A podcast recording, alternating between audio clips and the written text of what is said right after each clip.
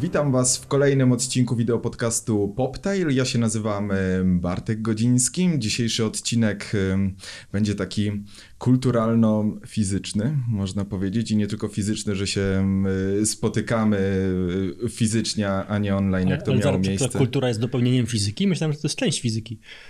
A, no y, na pewno jakby fizycy są częścią kultury, to chyba odwrotnie. Y, Dzisiejszym moim gościem już tutaj y, się odezwał jest Andrzej Dragan. Dzień dobry.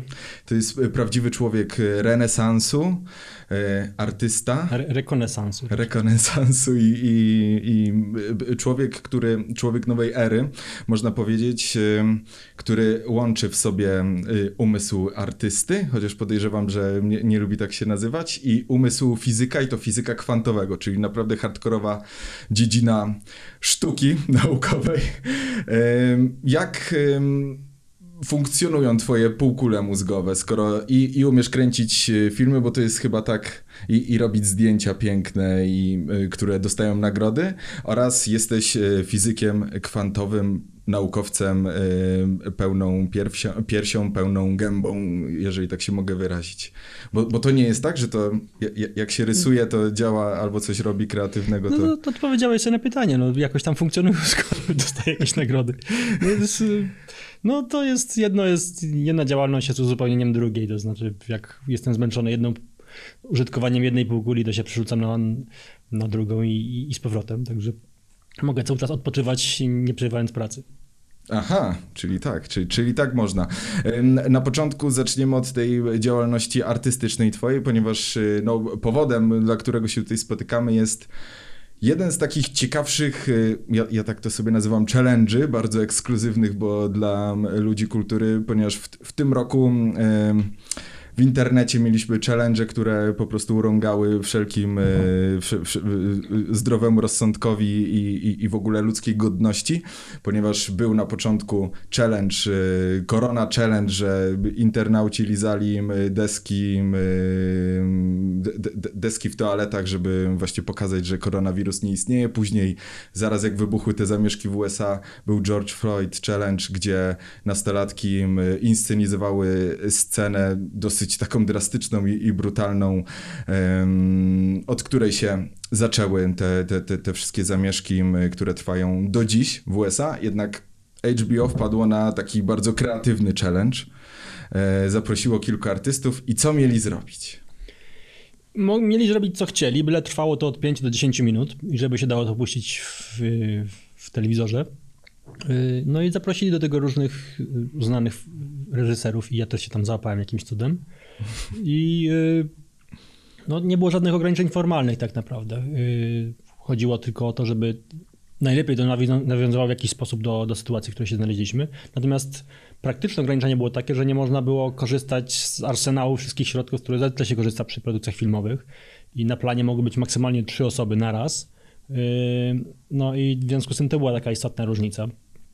No i ciekawe było dla mnie w tym wszystkim, znaczy dla mnie ciekawe było w ogóle wziąć w tym udział i, i, coś tam powiedzieć od siebie, ale poza tym jako zjawisko to było interesujące popatrzeć na, na tych pozostałych twórców, bo to nie do końca ten projekt patrzyłem jako na projekt o, o pandemii, bo o tym miał być, tylko o tym, co się dzieje z dyrygentem, który nagle ma zostać solistą, no bo reżyser to jest taki, taki generał, który dowodzi armią ludzi albo dyrygent i teraz tej armii nagle ma nie mieć i ma coś zrobić. No i musi zagrać na skrzypcach czy na czymś tam.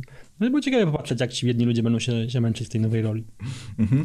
Y, To też było ciekawe, że to y, wy to nagrywaliście w samym środku y, takiej największej paniki, w samym środku tego największego lockdownu, bo te filmy, mm, ich jest bodajże 14. 14. y, 13? 14. 14, 14. Z tego co patrzyłem na, na, na HBO Go, twój dostał numerek 13, ale szczęśliwy, jak widzisz.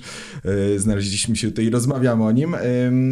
Właśnie w samym środku tego, to, to się już wydaje takie odległe, kiedy y, ludzie ustawiali się w kolejkach po, po papier toaletowy i ym, ja przynajmniej myłem wszystkie zakupy, jakie przynosiłem z domu. Jak ty wspominasz ten czas, jak y, tobie się kręciło ten film właśnie w takich no, naprawdę niełatwych warunkach?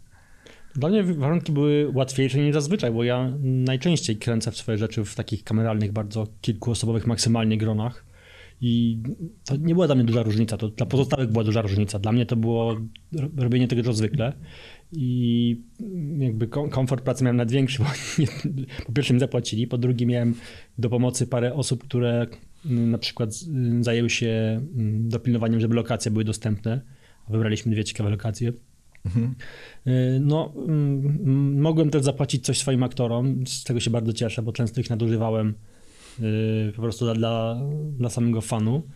No i natomiast y, w całej sytuacji, w której to było realizowane, to ciekawe było to, że to była ta nagłość tego wszystkiego, że ludzie są mylnie przyzwyczajeni do faktu, że jakoś skontrolują sytuację, w której się znajdują. A prawda jest taka, że byle co się nagle wydarzy i wszystko nam wypada z rąk. Więc ciekawe było, było to zaskoczenie globalne, że oto się nagle okazuje, że, że świat się może błyskawicznie zmienić, wszystkie plany się dezaktualizują, y, ludzi nagle wszystkich globalnie napełnia niepokój. I, I to trochę o tym chciałem zrobić film, o tym niepokoju, y, który przychodzi nagle i nas kompletnie zaskakuje. Mhm. Wybrałeś do, do swojego filmu, znaczy no, jakby zinterpretowałeś na nowo piosenkę o końcu świata. E, Czesława Miłosza. Wydaje mi się, że ta, ta piosenka, znaczy ten wiersz, piosenka, no wiersz e, jest bardziej aktualny nawet teraz, ponieważ wtedy, w tamtym czasie, co kręciłeś ten film, to rzeczywiście była taka wielka panika, chodzenie w maseczkach, w rękawiczkach i tak dalej. I kiedy tak naprawdę no, ta pandemia tak już trochę przymierała, jakby co, coraz więcej krajów yy, wypłaszczało to, to, tą krzywą. Kiedy teraz właśnie yy, wydaje mi się, że jest teraz bardziej aktualna, bo cały czas rosną te zachorowania w Polsce, a y, jest jakby odwrotnie proporcjonalna ta obawa przed złapaniem koronawirusu wśród Polaków, y, ponieważ i nie noszą już tych maseczek, i nie myją rąk. Jak ktoś y, zakłada maseczkę, to może być zbluzgany w sklepie, albo jak ktoś prosi kogoś, żeby założył maseczkę, żeby nie stał mniej niż dwa metry, że, że właśnie teraz jest taka bardziej aktualna, bo właśnie ten wiersz jest o tym, że jest ten koniec świata, a ludzie żyją dalej swoim życiem, w ogóle tego nie zauważają. I teraz tak to wygląda w Polsce trochę. Znaczy ja nie chcę jakoś komentować zachowań społecznych, natomiast y, jedyna rzecz, którą trzeba wiedzieć jakby w kształtowaniu swoich zachowań, to co to jest krzywa wykładnicza i od, ludzie od, od, od czasu matury już tego nie pamiętają. No, to jest taka krzywa, która ma taką ciekawą własność, że jeżeli prawdopodobieństwo zarażenia drugiej osoby w ciągu swojej choroby jest większe niż jeden, chociażby minimalnie, to prędzej czy później to, prowadzi to do eksplozji i do tego, że wszyscy chorują. Jeżeli to jest minimalnie mniejsze od jeden, czyli zarażamy średnio mniej, mniej niż jedną osobę, no to y, prędzej czy później epidemia wygasa. No między innymi dlatego właśnie epidemia grypy, która od zawsze żyje razem z nami, y, ma tę właściwość, że zarażamy średnio dokładnie jedną osobę i dlatego ta epidemia się utrzymuje mniej więcej na stałym poziomie. No i to, czy nosimy maskę, czy nie nosimy maskę, to może podnieść o ten 1% w górę czy w dół, po, poniżej albo powyżej tego progu, na którym mniej więcej jesteśmy i, i zmienić y, dalszy rozwój choroby, więc to nie jest takie kompletnie absurdalne. Natomiast y, na początku bardziej przerażające w tej epidemii nie było to, że było dużo zakażeń, bo ich było mało, było mniej niż teraz, tylko że było przerażające tempo przyrostu. Mhm. To przyrastało wykładniczo i to, ta krzywa wykładnicza to jest coś, co jest bardzo niepokojące zawsze. Teraz, kiedy ten przyrost jest mniej więcej liniowy, zresztą z powodów, który nie do końca rozumiem i podejrzewam, że to trochę ma coś z tym to wspólnego z, ze sposobem, w jaki się diagnozuje albo nie diagnozuje chorych, no, sytuacja nie jest taka niepokojąca już w tym sensie, mimo że jest więcej, yy, więcej przypadków, które się diagnozuje. No ale to i tak jest nieprzewidywalne. Ludzie nie potrafią przewidywać czegokolwiek. Najlepsza prognoza pogody to jest taką, która Baca postawi, że, że jutro będzie taka sama pogoda jak dzisiaj. Jak coś się zaczyna zachowywać zmiennie, inaczej niż trend, który obowiązywał przez ostatni tydzień, no to gubimy się w prognozach. Mm -hmm. Wróćmy jeszcze e, do tego twojego filmu gdzie powstawały zdjęcia, bo on tak y, naprawdę wygląda bardzo profesjonalnie. Te, rozumiem, że ten cały sprzęt to ty tam miałeś u siebie w domu, bo, bo, bo to też tak miało być. Właśnie jest nazwa tej antologii w domu, żeby.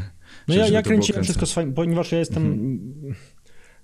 Z przyjemności i z innych powodów zajmuję się wszystkim sam. Robię sam zdjęcia, postprodukcję, reżyseruję i wybieram miejsca często i, i tak dalej. Dużo rzeczy robię sam to no też mogłem sobie sam zrobić postprodukcję w domu, mogłem sam to kręcić, mam swoją kamerę, mam swój sprzęt. Więc, mm, a jeśli chodzi o lokalizację, szukaliśmy takich miejsc, w których niepotrzebne będzie dodatkowe światło filmowe, bo zazwyczaj światło to jest taki element, który jest kluczowy. E, no a jak ma być, mają być tylko trzy osoby na planie, w tym ja, aktor i ktoś z mikrofonem, no to już nie ma miejsca na nikogo innego, więc nawet ktoś, kto miałby trzymać gdzieś lampę, już był wykluczony. No więc szukałem miejsc, w których światło jest gotowe, jest ciekawe i takie miejsca z, z, znalazłem. Jedno, jedno z nich to jest y, w Muzeum Wojska Polskiego samolot, mhm. taki stary, w którym kręciliśmy część tego materiału. Część kręciliśmy na dworcu, część kręciliśmy y, na Pradze w takim, takiej wielkiej hali. No, także to były takie lokalizacje trochę dyktowane warunkami, w jakich się znaleźliśmy. Mhm, mhm. No, ale dla chcącego nic trudnego. Ten film też tak nawiązuje do takiej, można powiedzieć, twojej stylistyki. Ty, ty lubisz taką e, estetykę mroczną. Tutaj zresztą widzimy takie mroczne, horrorowe klimaty. Nie, e, nie, dla mnie to nie jest mroczne, ale jakiekolwiek by to nie było, to robię to, co lubię, rzeczywiście. Mm -hmm, bo e, tutaj właśnie nawiązuję do tej twojej słynnej sesji, w której się znalazł między innymi Jerzy Urban, David Lynch czy, czy, czy Kuba Wojewódzki. Tak, to, to, to jest cały czas ta sama sesja. Yy, to, to, było, to było kilka różnych to, sesji. To, to, było kilka różnych sesji. No ale są takie te słynne twoje zdjęcia. Mnie najbardziej interesuje to, jak ci się udało e, zgarnąć e, właśnie Davida Lyncha, żeby zapozował przed obiektywem. E, do tego też nawiązuję, ponieważ pierwszy odcinek tutaj wideo podcastu Poptail był poświęcony serialowi Twin Peaks. Jestem wielkim fanem, dlatego, dlatego też pytam. Trzeci sezon był fatalny. Ja jestem wielkim fanem niektórych filmów mm -hmm. Lyncha, ale on jest wyjątkowo nierówny i nie, niektóre rzeczy, które robi w mojej ocenie są fatalne, a niektóre są są genialne. I mój ulubiony jego film to jest y, Zagubiona autostrada, Aha. który oglądałem w kinach oglądałem go zawsze, jak go grano i przestali go niestety grać, więc chyba 17 razy go obejrzałem w kinach. Na DVD to w ogóle nie, nie jestem w stanie policzyć tak nawet. No, y, chciałem się z nim spotkać i, i, fotografia jest takim pretekstem, żeby się spotkać z kimś. On był akurat w Polsce przy okazji festiwalu filmowego Camera Image, który był wtedy w Łodzi. Mhm. No i ja pamiętam, że się pytałem znajomych, jakby jak się dopchać do człowieka, ale akurat wszyscy nie, nie mogli mi pomóc, którzy mi przychodzili do głowy. Więc pojechałem po prostu do hotelu, w którym się zatrzymał Lyncha, wyczytałem w gazecie, gdzie się zatrzymuje i w recepcji zostawiłem swoje portfolio i list do, do niego. No i odzwonił następnego dnia, że zaprasza mm, na lunch. To przyjechałem na lunch, zrobiłem szybko zdjęcia i trochę pogadaliśmy sobie. No właśnie, tak. Y, ludzie się nieraz boją podjąć tego pierwszego kroku, a to wydaje się takie łatwe, tylko no, do, do odważnych świat należy. No i jakim jest człowiekiem? Jest taki, jak się wydaje, troszkę taki artystyczny, y, szalony. No, oszczędny w słowach jest bardzo, natomiast bardzo ekspresyjny w działaniach i w tym w swojej twórczości. Więc to często jest tak, że ta, ta rozmowa to nie, nie wnosi jakichś nowych treści. No gadaliśmy mhm. trochę o Łodzi, że mu się tam bardzo podobało i pamiętam... No miało być studio Davida Lyncha, ale tam... Miało być, to były jeszcze te czasy, kiedy tak. te plany były takie bardzo ambitne, potem to się wszystko rozeszło po kościach. Y, nakręcił film, wtedy, wtedy kręcił w, w Polsce film, który moim zdaniem jest, jest nie do oglądania zupełnie. I to Inland Empire, tak. Tak i, i to jest... Niestety to jest człowiek, który mm, jak, jak, jak, wielu twórców jest też świetnym rzemieślnikiem, ale nie jest wszechstronny, potrzebuje ludzi do pomocy. I tak długo jak miał armię ludzi, którzy mu pomagali, to te filmy były świetne. Mhm. Y, ten film, a rozmawiałem z kilkoma uczestnikami, między innymi z Zonem Niemczykiem, który grał mhm. tuż przed jego śmiercią zresztą w, w, tym filmie, y, to mi Niemczyk opowiadał, że tam Lynch wszystko robił sam. On mhm. sam oświetlał, sam kręcił, sam to, sam tamto, muzykę nawet sam zrobił. Bo chyba mu wszyscy wytłumaczyli, że jest wielkim artystą i w mhm. związku z tym... I w to uwierzył. Chyba w to uwierzył za bardzo. No i powstało coś takiego ala y, ten projekt HBO, w którym też ludzie kręcili telefonami komórkowymi. Mhm.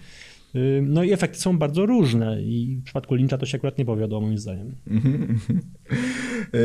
No dobrze, przejdźmy teraz do troszkę tej twojej drugiej dziedziny, którą się zajmujesz, czyli fizyki. Czy w czasie tej pandemii dokonano jakichś ciekawych odkryć fizycznych, albo może jeszcze, jeżeli chcesz coś dopowiedzieć o tym, czego się dowiedziałeś o ludzkości, bo tutaj rozmawialiśmy e, o tym, że, że, że tak naprawdę może jesteśmy świadkami końca świata i, i, i nikt tego nie zauważa. Cze, czego się jeszcze dowiedziałeś o ludziach? Nie powiem, że, żebym się czegoś dowiedział, natomiast z zaciekawieniem obserwowałem te reakcje, takie, tą niepewność. Mhm. Ludzie nagle sobie zdali sprawę, że jest, że jest się nad czym zastanawiać w życiu. No, no, interesujące, jak ludzie nagle coś, coś wybija z ich y, mhm. samopoczucia. Y, jeśli chodzi o fizykę, to oczywiście, że powstało dużo ciekawych rzeczy. No ja y, na przykład z, z, opublikowałem pracę, z której jestem bardzo dumny, z y, niejakim Arturem Eckertem, który w zeszłym roku był prognozowany do, jako pewniak do Nagrody Nobla z fizyki. To jest twórca czegoś, co się nazywa kryptografia kwantowa. Mhm. No i żeśmy opisali taką pracę, w której staramy się wyjaśnić takie najbardziej niepokojące aspekty teorii kwantowej, które dotąd były uznawane za coś, co spada z nieba i nie wiadomo skąd w ogóle się bierze i niepokoiły samych twórców teorii kwantowej do tego stopnia, że połowa tych twórców w ogóle nie wierzyła w teorię kwantową, którą sami stworzyli. No i myśmy... No, między innymi Einstein. Einstein do śmierci powtarzał, że Bóg nie gra w kości. Yy, no i żeśmy pokazali, skąd te rzeczy się biorą tak naprawdę i to ciekawe, pokazaliśmy, że się biorą właśnie z teorii Einsteina, z teorii względności co w związku z tym można by podejrzewać, że się Einstein przewraca w grobie. Yy, pokazaliśmy, że jeżeli rozważyć takie trochę rozszerzenie szczególnej teorii względności, w którym rozważa się, dopuszcza się istnienie nadświetnych obserwatorów, czyli takich, którzy się poruszają z prędkością większą niż prędkość światła, tam zaczynają się dziać bardzo dziwne rzeczy i te bardzo dziwne rzeczy okazują się, że nie są kompletnie absurdalne, tylko dokładnie odtwarzają to, co wiemy z teorii kwantowej, więc de facto wyprowadziliśmy te rzeczy, które najbardziej niepokoiły Einsteina, w które nie chciał wierzyć z jego własnej teorii i o dziwo wcale się chyba jednak w grobie nie przewraca, bo mm, ten artykuł się odbił jakimś gigantycznym echem y, w, w prasie takiej przynajmniej popularnej. Tam w zasadzie na całym świecie o tym pisali w jakichś różnych gazetach, takich magazynach popularnych. Nawet Einstein ma konto na Twitterze oficjalne. Ktoś I udostępnił. I, I, udostępnił i też zwraca uwagę, że to ciekawe. Więc nie wiem, jak to jest z tym jego, z, z, z przewracaniem się w grobie, ale miałem też, mi poprawiło humor, jak zobaczyłem na Twitterze, że Einstein o mnie pisze. Y, y, no więc, y, a to uważam praca bardzo ciekawa. Nie jest to praca bardzo praktyczna, która w jakby widoczny sposób doprowadzi do jakichś zastosowań, natomiast jest to coś, nad tym się długo zastanawialiśmy i jest to y, te, coś, nad tym się wielu ludzi długo zastanawiało. Mhm. Y, no ja się zastanawiam, bo tutaj mówisz o nadświetlnym obserwatorze, czyli poruszającym się z prędkością wyższą niż prędkość światła i to nie są wcale Gwiezdne Wojny, bo tam oni przy, przyspieszali chyba do półtora prędkości światła. To jak, jak, jak to jest możliwe? Znaczy, nie wiadomo, czy jest możliwe. Nie wiadomo, czy istnieje materia nadświetna, która by mogła się z takimi prędkościami poruszać. Natomiast w zasadzie z matematycznego punktu widzenia teoria względności to jest zbiór równań, które mówią o tym, jak sytuacja się zmienia, jeżeli zaczynają się poruszać i patrząc na tą samą sytuację. No i, i można rozważać obserwatorów nadświetnych, tylko to od, od, zawsze wiadomo, to prowadzi do różnych paradoksów przyczynowo-skutkowych. I ludzie nie bardzo wiedzieli, co to oznacza, uznając, że to pewnie jest paradoks, więc lepiej tego nie, nie dotykać, bo, yy, no bo tam czas i przestrzeń zamieniają się rolami, można się cofać, cofać w czasie, to nie, nie, nie do końca można, ale wydaje się, że można yy, dokonywać jakichś takich paradoksów, że można zastrzelić swojego własnego dziadka, mhm. co okazało się wcale nieprawdą. I rzeczywiście jest tak, że... To w powrocie do przyszłości tam były takie Były zabawy. takie sytuacje, tak, tak, tak. No, no, natomiast jest prawdą, że zasady przyczynowości ulegają zaburzeniu, jeśli się uwzględnia nadświetnych obserwatorów, tylko że należy pamiętać o tym, że świat nie jest przyczynowo-skutkowy. Mechanika kwantowa mówi, wiadomo od 100 lat, że zasada przyczyna-skutek nie obowiązuje. Mogę identyczny eksperyment wykonać dwa razy i dostać dwa różne wyniki. Mhm. I, I, wynik pojedynczego eksperymentu jest nieprzewidywalny fundamentalnie. Nie ma takiej fundamentalnej zasady, która mówi, że jak jest określona przyczyna, to będzie określony skutek. To, to przyszłość jest nieokreślona. I w, w tym sensie zasady przyczynowo-skutkowe są zaburzone. Nam się tylko wydaje, że, że, wszystko jest przewidywalne. Y, no i, y, i jak się rozważa nad świetnych obserwatorów, rzeczywiście przyczynowość się rozchwiewa, ale ona robi to dokładnie w taki sposób, jak to przewiduje mechanika kwantowa, czy jak stwierdza ta mechanika kwantowa w sposób arbitralny dotąd. No myśmy te zasady de facto wyprowadzili z tej, mhm. z tej rozszerzonej teorii względności. No to ty tutaj mówiłeś wcześniej o tym, że braliście na warsztat wszystkie niepokojące te, te, te skutki mechaniki kwantowej i tak dalej. Tutaj wszystko, co mówisz, jest dla mnie niepokojące. E, jednak... Bardzo, słuszne, bo, to jeżeli, jeżeli cię nie szokuje mechanika kwantowa, to znaczy, że nie zrozumiałeś, tak no, Niels Bohr tak powiedział. Dokładnie, mnie, mnie to najbardziej szokuje, no bo y, czytałem, czy to między innymi możliwe, że w twojej książce tutaj Andrzej też jest y, twórcą książki, książki Kwantechizm, którą serdecznie polecam i to nie jest audycja sponsorowana, jest po prostu bardzo dobra, bo wychodzi troszkę, y, troszkę dalej niż y, te wszystkie takie książki popularno-naukowe y, opisujące właśnie te, te A bo to, bo to, bo to, nie tak jest, bo to nie jest zwykła książka popularno-naukowa. Po pierwsze to jest dosyć osobiste spojrzenie na, na te zagadnienia fizyki i to nie jest tak, że ja tam piszę jak, jak piszą w, w podręcznikach mądrzy ludzie, tylko raczej tak jakbym przy barze rozmawiał z kimś, komu tłumaczę, jak ja to kumam. I staram się mu to wytłumaczyć na jabłkach, na kurach i tak dalej. A problem z fizyką współczesną nie jest taki, że ona jest bardzo skomplikowana, bo fizycy też nie są jakoś nad ludźmi, przecież my mamy te same ograniczenia co wszyscy i nam też jest trudno cokolwiek zrozumieć, więc sobie wszystko upraszczamy tak bardzo jak się da i fizycy rozumieją wszystko prosto, tylko potem, żeby to forma- sformalizować, używają ap- aparat- aparatu matematycznego, który jest trochę skomplikowany dla, dla nie- nieprzygotowanych, niewprawionych ludzi. Ale generalnie to są nieskomplikowane rzeczy i teoria kwantowa też jest prosta, tylko jest dziwna, jest, jest zaskakująca i to, to jest trudność. Nie chodzi o to, żeby, że ją trudno zrozumieć, wręcz przeciwnie, mechanikę kwantową bardzo łatwo zrozumieć, tylko się trudno z nią pogodzić. Mhm. No właśnie ja próbowałem y, właśnie też wyjść trochę do przodu y, i, i, i tak się pouczyć, że tam samemu coś, jakieś wzorki, żeby to lepiej zrozumieć, bo, bo to jest dla mnie też taka czarna magia, znaczy też, przynajmniej dla mnie. Y, I y, zasięgnąłem po książki Saskinda. On jest takim z, znanym fizykiem kwantowym i tam już się odbiłem po prostu, bo są dwie. Jest teoretyczne minimum, E, te, te, takie, o, o, jakby to jest prequel książki do mechaniki kwantowej i tam już się zatrzymałem na tych wektorach i tak dalej, bo to jest taka zupełnie inna jak dla mnie matematyka, nie rozumiałem tego.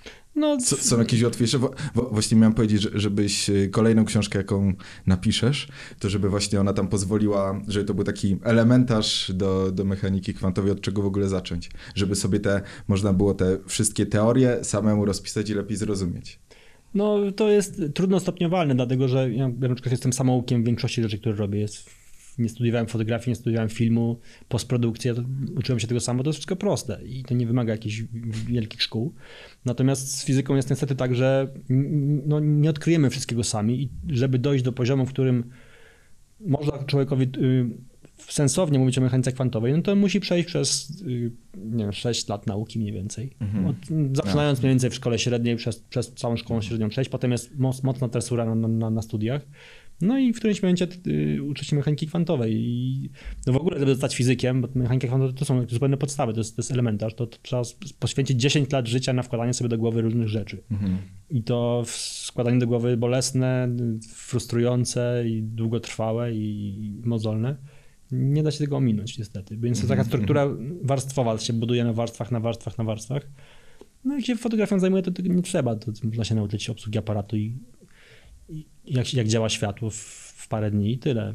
No tak, no tak. A, a to się jakoś przydaje, Tem, te, ta wiedza o, o fotonach przy, przy robieniu zdjęć? Nie, wiedza o fotonach się w ogóle nie, nie przydaje, natomiast fizycy mają to do siebie, że są wytresowani w, w takim ciągłym zatwardzeniu myślowym. Się ciągle męczą z jakimś problemem, w związku z tym jakby uczenie się nowych rzeczy przychodzi dosyć szybko. Jak, jak musimy, jakby główna, główna zaleta studiowania fizyki dla ludzi, nawet którzy się nie chcą nią zajmować w przyszłości, jest taka, że oni się będą umieli szybko nowych rzeczy nauczyć. I często się bierze chętnie do dużych firm absolwentów fizyki, matematyki czy informatyki po to, żeby nie pod dlatego, że oni coś wiedzą, bo nie będą nic wiedzieć ani z ekonomii, ani z biznesu, ani z... ale szybko się nauczą. A Bo są też przyzwyczajeni do są do przyzwyczajeni do, do wysiłku i takie rzeczy są łatwe do nauczenia i można tą wiedzę szybko panować. Y, A jak pojawi się niestandardowy problem, na którym się wykopyrtnie natychmiast każdy z, jakby obkuty student takiego SGH-u czy ktoś tam, to fizyk sobie z tym poradzi o wiele sprawniej. Mhm. Ym, Na pewno słyszałeś o tym eksperymencie, który właśnie łączy i fotografię, i, i fizykę kwantową. W 2014 to się zapisałem.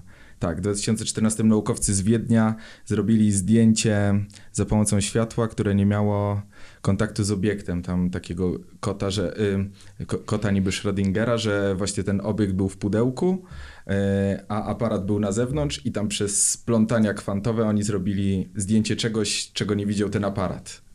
No to to jest takie, znaczy to, to jest przekłamanie, dlatego że my jesteśmy przyzwyczajeni, że to jest takie światło, tam jest inne światło za oknem, podczas gdy tożsamość cząstki kwantowej zaciera się. Nie ma czegoś takiego jak, jak tożsamość fotonu. Wszystkie fotony są takie same, ale to nie, tak, nie na tej samej zasadzie, jak, jak wszystkie monety, nie wiem, są takie same. Jak mam jedną złotówkę, no to ona jest taka sama jak każda inna jed- jedna złotówka, ale mimo wszystko jest jakaś, mhm. czymś tam się od siebie różnią. W mechanice kwantowej nie dość, że fotony są naprawdę identyczne, to ta identyczność jest o wiele bardziej fundamentalna i w pewnym sensie wszystkie struktury, które się rozważa, wymagają uwzględnienia wariantów, w którym pierwszy foton jest drugi tu i odwrotnie. I hmm. trzeba jakby rozważać wszystkie możliwe scenariusze. Jeżeli się tego nie robi, to, to, to jakby obliczenia teoria się staje sprzeczna z eksperymentem. Więc rzeczywistość po prostu wymaga, żeby wszystkie fotony de facto były jednym i tym samym fotonem. Więc mówienie, że ten foton jest tu, a drugi jest tam, mhm. to jest takie też trochę nadużycie, przekłamanie i... No ale jakoś im się udało, bo są zdjęcia tego zdjęcia. No, no, no udało się, natomiast mówienie, że, że, że, że nie było żadnego kontaktu y, jednego z drugim, no to, to jest kwestia subtelna, bo tam ta nielokalność kwantowa ma to do siebie właśnie poprzez splątanie, że yy, no, w ogóle mówienie o tym językiem klasycznym się trochę mhm. mija z celem, bo to trzeba mówić albo metaforami, albo machać rękami, albo kłamać.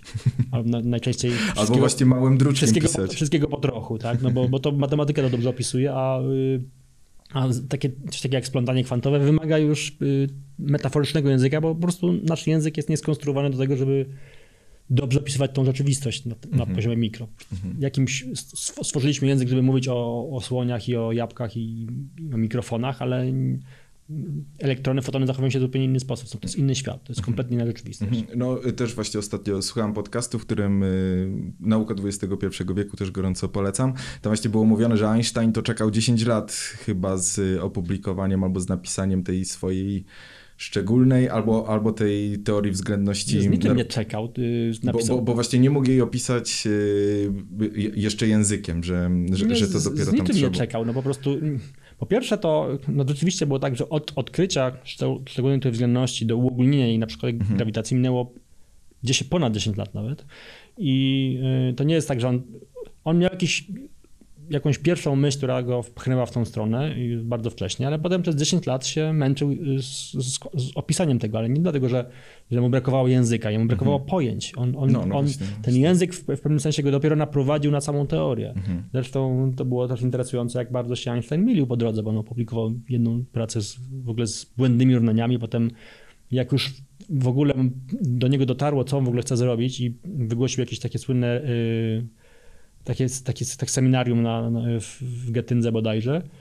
Powiedział, co w ogóle chce zrobić, to studenci się z, zaczęli śmiać z niego, że, że to każdy student wie, jak to zrobić i, i Hilbert, który był ich, tam tym bogiem matematyków tak, w tym czasie i, i szefem Instytutu w Getyndze, on ten problem rozwiązał w, w, w natychmiast w zasadzie, mhm. błyskawicznie. I, I potem nawet była dyskusja, kto jest autorem całej tej teorii, bo Einstein też mniej więcej w tym samym czasie opublikował swoje wyniki, już poprawione równania. Hilbert zrobił to błyskawicznie i dyskutowali, kto, kto, kto ma pierwszeństwo. No ale to Einstein był jakby tym inspiratorem, inspiracją do, do, do, do, do, do, do stworzenia tego, tego wszystkiego. No to też w ogóle ciekawa, ciekawa historia, bo ostatnio na przykład przystano nagrodę Nobla za potwierdzenie doświadczalne zderzenia się dwóch czarnych dziur i y, w wyniku którego powstały fale grawitacyjne. Mm. I wykryto te fale grawitacyjne i odtrąbiono wielki sukces Einsteina. No to jest ciekawe, że, że, Einstein nie wierzył ani w czarne dziury, które mm. się zderzyły, nie wierzył w ich istnienie, nie, nie dowierzał, ani nie, nie wierzył w istnienie fal grawitacyjnych. Zresztą też nie wierzył w istnienie rozszerzającego się wszechświata, w wielki wybuch. Te rzeczy nie, nie dopuszczał tego w ogóle. Chociaż wszystkie one wynikają z jego własnej teorii. Mm. Więc y, popełnił bardzo dużo spektakularnych pomyłek i to jest też ciekawe, że skoro on się ciągle mylił, a to był jeden z najwybitniejszych umysłów, jakie chodziły po ziemi, no to należy podejrzewać, że jak my gadamy ze sobą teraz, albo jak ludzie w ogóle wyrażają jakieś opinie, to najczęściej to są to bzdury. No i... No szczególnie ja taką mam doś, własność. Doświadczenie to potwierdza. Nie, w ogóle ludzie się mylą ciągle i trzeba o tym pamiętać i nie, nie należy bardzo ufać swoim osądom. Mhm. No Einsteinowi jeszcze można wybaczyć, no bo wtedy nie było ani komputerów, ani lotów w kosmos, chociaż to też podobno sfingowane, nie no, żartuję oczywiście. Eee, nie, nie, nie było dopiero tam Hubble, później ten swój chyba teleskop no tak, no wiele, wiele rzeczy można wybaczać ludziom, znaczy nie, to nie, ma, nie jest kwestia wybaczenia albo nie. Komputery Einsteinowi w ogóle nie pomogły w tym w jakikolwiek hmm. sposób. To raczej yy, to, to są takie rozwiązania raczej na papierze i przy pomocy długopisu niż, niż, niż komputera. No ale yy, bez, bez wątpienia yy, historia jakby jego dochodzenia do rzeczywistości, do, do swoich odkryć to była historia spektakularnych mniej lub bardziej pomyłek. Mhm. I, i też monumentalnych nie, niekiedy, ale to, to, był, to, był, to była pomyłka po, za pomyłką, za pomyłka i w końcu, jak on się odbijał od ściany do ściany, w końcu mu się udało Mhm. Mhm. dostrzec coś. No, to, to, to trochę tak działa mechanika kwantowa. No, znaczy w ogóle my tej teorii, to o czym mówimy, to się uczy studentów na, na powiedzmy trzecim roku. Mhm. Mhm. Y, To jest standard, ja taki wykład mam dla studentów drugiego roku z, z, z tych zagadnień, którymi się Einstein zajmował. No i to jest bardzo elementarne, nam się to wydaje proste, jak się to już poukłada. Mhm. Natomiast, żeby coś bardzo prostego zobaczyć, to często trzeba jakby to wyjście poza pudełko, jak to się mówi po, po amerykańsku, to, to wymaga y, no, niestandardowych połączeń neuronalnych. No. Mhm, mhm. Y, Ostatnia rzecz, y, którą poruszymy w tym odcinku wideo podcastu, o ile wam się tutaj, drodzy słuchacze i, i, i widzowie, nie zagotował mózg od tych porcji informacji, bo po porcji danych, bo kwanty to są por, porcje energii, to są najmniejsze, tak? Kwant to jest w ogóle porcja, to po, po, po, Porcja z, po od prostu. łacińskiego. y, No to słowa. tutaj taki po, potężny kwant był e, do tej pory. E, Andrzej Dragan się zajmuje właśnie teleportacją kwantową. To, to, to, to jest takie Ja twoje, ja- twoje największe zainteresowanie. Nie, nie, nie, nie, nie, teleportacja to jest takie, to jest tak, jak, jak uczę o teleportacji, to to Mhm. poświęcamy to pół godziny na wykładzie z mechaniki kwantowej, bo to jest tak bardzo prosta rzecz. Mhm. Mm. Bardzo, bardzo. Znaczy dla, dla studentów, którzy już pewną Mhm. wiedzę posiadają, także to, to nie jest, nie jest to ciekawe zjawisko. Natomiast y, y, ja się zajmuję w ogólności łączeniem y, teorii kwantowej z teorią grawitacji i takiego Mhm. połączenia nikt nie potrafił dotąd skonstruować, które byłoby zadowalające. Y, Przynajmniej nie mamy żadnych, żadnego potwierdzenia. No więc ludzie od 100 lat próbują wymyślać yy, kwantowy opis grawitacji, to, to się nie, nie udaje nikomu. Więc ja się zajmuję tym, tym, jakby jednym z możliwych sposobów łączenia teorii kwantowej z teorią grawitacji. Takiego przybliżonego łączenia, żeby mniej więcej chociaż zobaczyć, czego w ogóle szukamy. No to y, Hawking chyba to chciał, bo, bo też był ten film Teoria Wszystkiego. Hawking i, też, też się zajmował y, tymi i, zagadnieniami. I to właśnie chodzi o tą teorię wszystkiego, żeby to połączyć i to wtedy już człowiek będzie mógł usiąść na tronie, na, na, na laurach. To jest, za- zabawna, tego, to jest dosyć zabawna historia tego, tego, tego przypuszczenia, że my już wszystko wiemy, bo w ogóle to w XIX wieku już ludzie wszystko wiedzieli i No już nic tak. nie musieli się nowego dowiadywać, tak mi się wydawało. Jak Max Planck, który był jednym z twórców, ojcem mechaniki kwantowej, chciał na studia w ogóle pójść, to mu to go jego nauczyciel zniechęcał, bo mu mówił, że to już wszystko wiadomo, że nie ma co Mhm. iść, że teraz to się lepiej zająć jakąś sztuką czy czymś. Planck go nie posłuchał i doprowadził do jednej z największej rewolucji w ogóle w dziejach fizyki. Jak Albert Michelson, czyli taki polski noblista, po- polskiego pochodzenia noblista, jeden z twórców eksperymentu, który doprowadził Einsteina do odkrycia teorii względności, eksperymentu, w którym mierzono prędkość światła. Pięć lat przed odkryciem teorii względności powiedział, że szansa, że w ogóle cokolwiek nowego zostanie odkryte na bazie jakichś doświadczalnych obserwacji jest znikoma. W 27 roku Max Born, czyli jeden, kolejny noblista, jeden z twórców mechaniki kwantowej, powiedział, że fizyka zostanie skończona za pół roku. Mhm. Y, A Hawking y, z kolei, y, można by się sądzić, że ludzie się czegoś nauczyli przez te, przez te spektakularne błędy. Powiedział, że taką, taką tezę rozważał, że fizyka zostanie skończona do końca XX wieku. Mhm. Potem, jak przed śmiercią, prze- przedłużył tą prognozę na, na jeszcze 100 lat. No, To masz czas jeszcze trochę. znaczy, Hawking się lubił porównywać do, do, do Newtona z jakiegoś powodu. A Newton z kolei, jak, jak go pytali o jego odkrycie, to mówił, że on się czuje jak dziecko, które się bawi muszelkami na plaży, a przepastny ocean pra, prawdy to jest dopiero przed nim. No, mi jest bl- bl- bliżej do, do, do tej wersji wydarzeń, że w zasadzie nic jeszcze nie wiemy. Więc ja bym się nie, nie, nie, nie przygotowywał jakoś psychicznie, że zaraz się czegoś dowiemy, już będzie można iść na emeryturę, tylko raczej nie wiemy prawie nic i się ciągle mylimy, jesteśmy głupi i to jest chyba główna lekcja z fizyki. Mhm, mhm. Czyli to słynne wiem, że nic nie wiem. No, To tak świadczy o właśnie tej i- inteligencji i mądrości. niekoniecznie, bo ludzie inteligentni i mądrzy wygadywali takie bzdury, jak, Mhm. jak, jak, jak przed chwilą cytowałem. Mimo, że to byli inteligentni No i tak. mądrzy ludzie, to raczej nie, nie, nie jest to związek z inteligencją, tylko raczej z arogancją jakąś. Mhm. I brakiem pokory. No tak. No nie, nie, nie, wiemy, nie wiemy większej rzeczy. Na większość pytań nie mamy pojęcia, jak odpowiedzieć.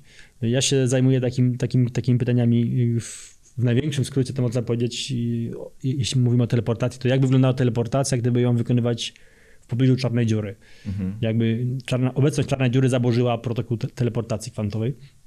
To są takie zagadnienia pokrewne y, temu, co, co robię. No ale prawda jest taka, że obchodziliśmy niedawno stulecie odkrycia ogólnej teorii względności, hucznie bardzo, a równie dobrze moglibyśmy obchodzić stulecie nieodkrycia kwantowej grawitacji. Mhm. Mhm. Ta, ta szklanka jest jednak do połowy pusta, nawet powiedziałbym, że w 90% jest pusta, jak nie więcej. Mhm, mhm. No dobrze, ale jakbyś mógł opowiedzieć, jakie będą, o, ile będą jakieś takie praktyczne konsekwencje, praktyczne funkcje tej teleportacji kwantowej, no bo to y, każdemu się to marzy, jak ogląda filmy science fiction albo Power Rangers, jak tam Alpha teleportował do centrum dowodzenia. Czy, czy coś takiego jest możliwe? Czy tutaj jakby ta teleportacja kwantowa się opiera na czymś innym? Czy to jest transportowane, są tam informacje, jakieś dane, materia? Nie. Jak Faradaya, który był jednym z odkrywców y, elektryczności, przyjechał jakiś minister do jego laboratorium i się zapytał, po co ta cała elektryczność to Faraday podobno odpowiedział, że nie wiem po co, ale za, za pół roku pan to opodatkujesz. E, no i nie wiadomo, do czego się przyda nigdy mhm. jakieś nowe odkrycie. E, no mechanika kwantowa już się przydała bardzo, no bo bez niej nie powstałyby lasery, bez niej nie mhm. powstałyby tranzystory, e, więc nie byłoby w ogóle żadnej elektroniki, mhm. której używamy na co dzień. Nie moglibyśmy tej oglądać na telewizorze. Niespecjalnie byśmy to mogli oglądać. No, nawet kineskopy starych telewizorów to, to, to są oparte o strumień elektronów w końcu. Y, więc y, czasem zupełnie nie wiadomo, do tego jakieś odkrycie doprowadzi. No, okazuje się, że na przykład lada chwila trzeba będzie przebudowywać cały internet i obieg informacji w, w, na, na kuli ziemskiej, bo jak się pojawi komputer kwantowy, a się mhm. niedługo pojawi, to on złamie wszystkie zabezpieczenia szyfrujące y, komunikację w internecie w ułamek sekundy i wszystkie tra transakcje bankowe, które obecnie są bezpieczne, bo najlepszy superkomputer nie jest w stanie ich złamać pracując krócej niż miliard lat, mhm. komputer kwantowy będzie w stanie złamać takie zabezpieczenie w ułamek sekundy. Więc trzeba przeprojektować cały internet wkrótce, to trzeba będzie zrobić. I do tego też się mechanika kwantowa może przydać. Arthur Eckert, o którym wspomniałem, jest ojcem czegoś, co się nazywa kryptografia kwantowa i to jest jeden ze sposobów, w jaki można bezpiecznie przechowywać informacje, nawet jeśli potencjalny szpieg ma w, w, posiadaniu komputer kwantowy, więc to będzie taki trochę wyścig zbrojeń. Jedno odkrycie będzie prowadzić mm -hmm. do drugiego i tak mhm. dalej.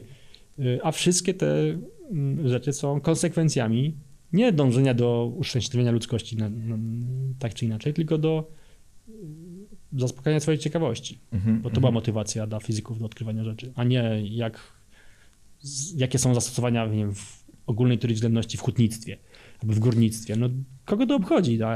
Nas interesują pytania, z, które nas interesują z czystej ciekawości, a jak to się komuś przyda, no to super.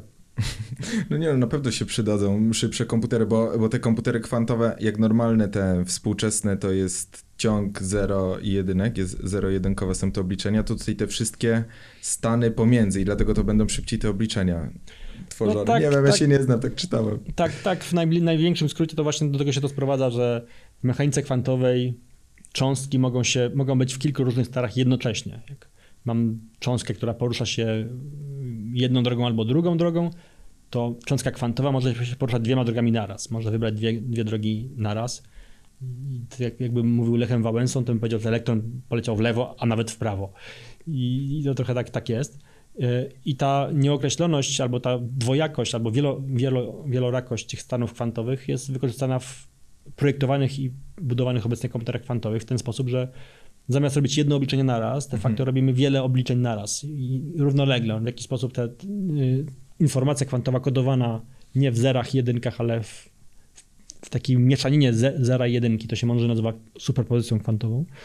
Y, de facto mam do czynienia z sytuacją, w której y, taki kubit, taki kwantowy bit y, realizuje wiele różnych bramek logicznych jednocześnie, mhm. więc może prowadzić różne obliczenia naraz i ta równoległość prowadzi do postępu o wiele szybszego w, w jakby w szybkości obliczeń w porównaniu z, z, z zwykłymi komputerami jeśli mam do czynienia coraz bardziej skomplikowane problemy. Mm -hmm, no tak, no bo już, co, co, już bardziej się nie da zmniejszać komputerów, tylko trzeba będzie właśnie nową zupełnie technologię e, stworzyć. To jest pieśń przyszłości, ale pewnie jak się okazuje i jak się okaże, to już tam w Microsoftie albo gdzieś w Japonii w tajnych laboratoriach już mają te komputery kwantowe, tylko na razie boją się ich e, Nie, ich, ich nie mają, nie mają jeszcze, ale, ale, ale mój kolega na przykład profesor z Imperial College z Londynu wziął sobie urlop od, od, pracy naukowej, wyjechał do, do Doliny Krzemowej,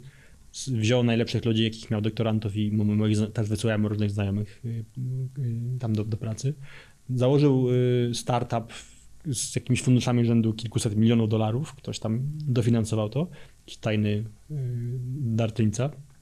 No i twierdzą, że są blisko. Mhm, Y, Zobaczymy. Na razie komputera kwantowego jeszcze nikt nie, nie zbudował. Wiemy, jak w teorii będzie działał, jaka, jaka będzie jego moc.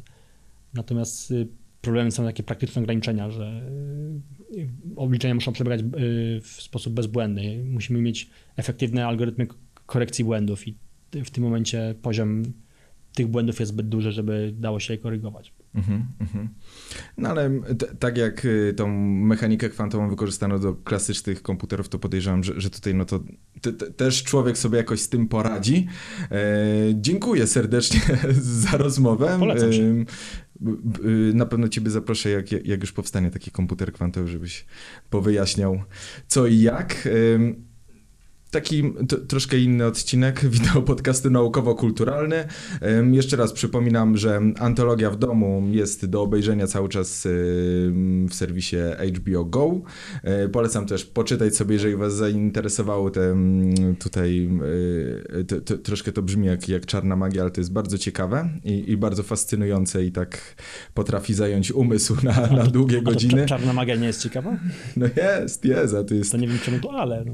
Więc jest to czarna magia, więc jest to bardzo ciekawe. Tak jest, tak jest. Jak e, i, i tajemnicze, jak, jak, jak czarna dziura.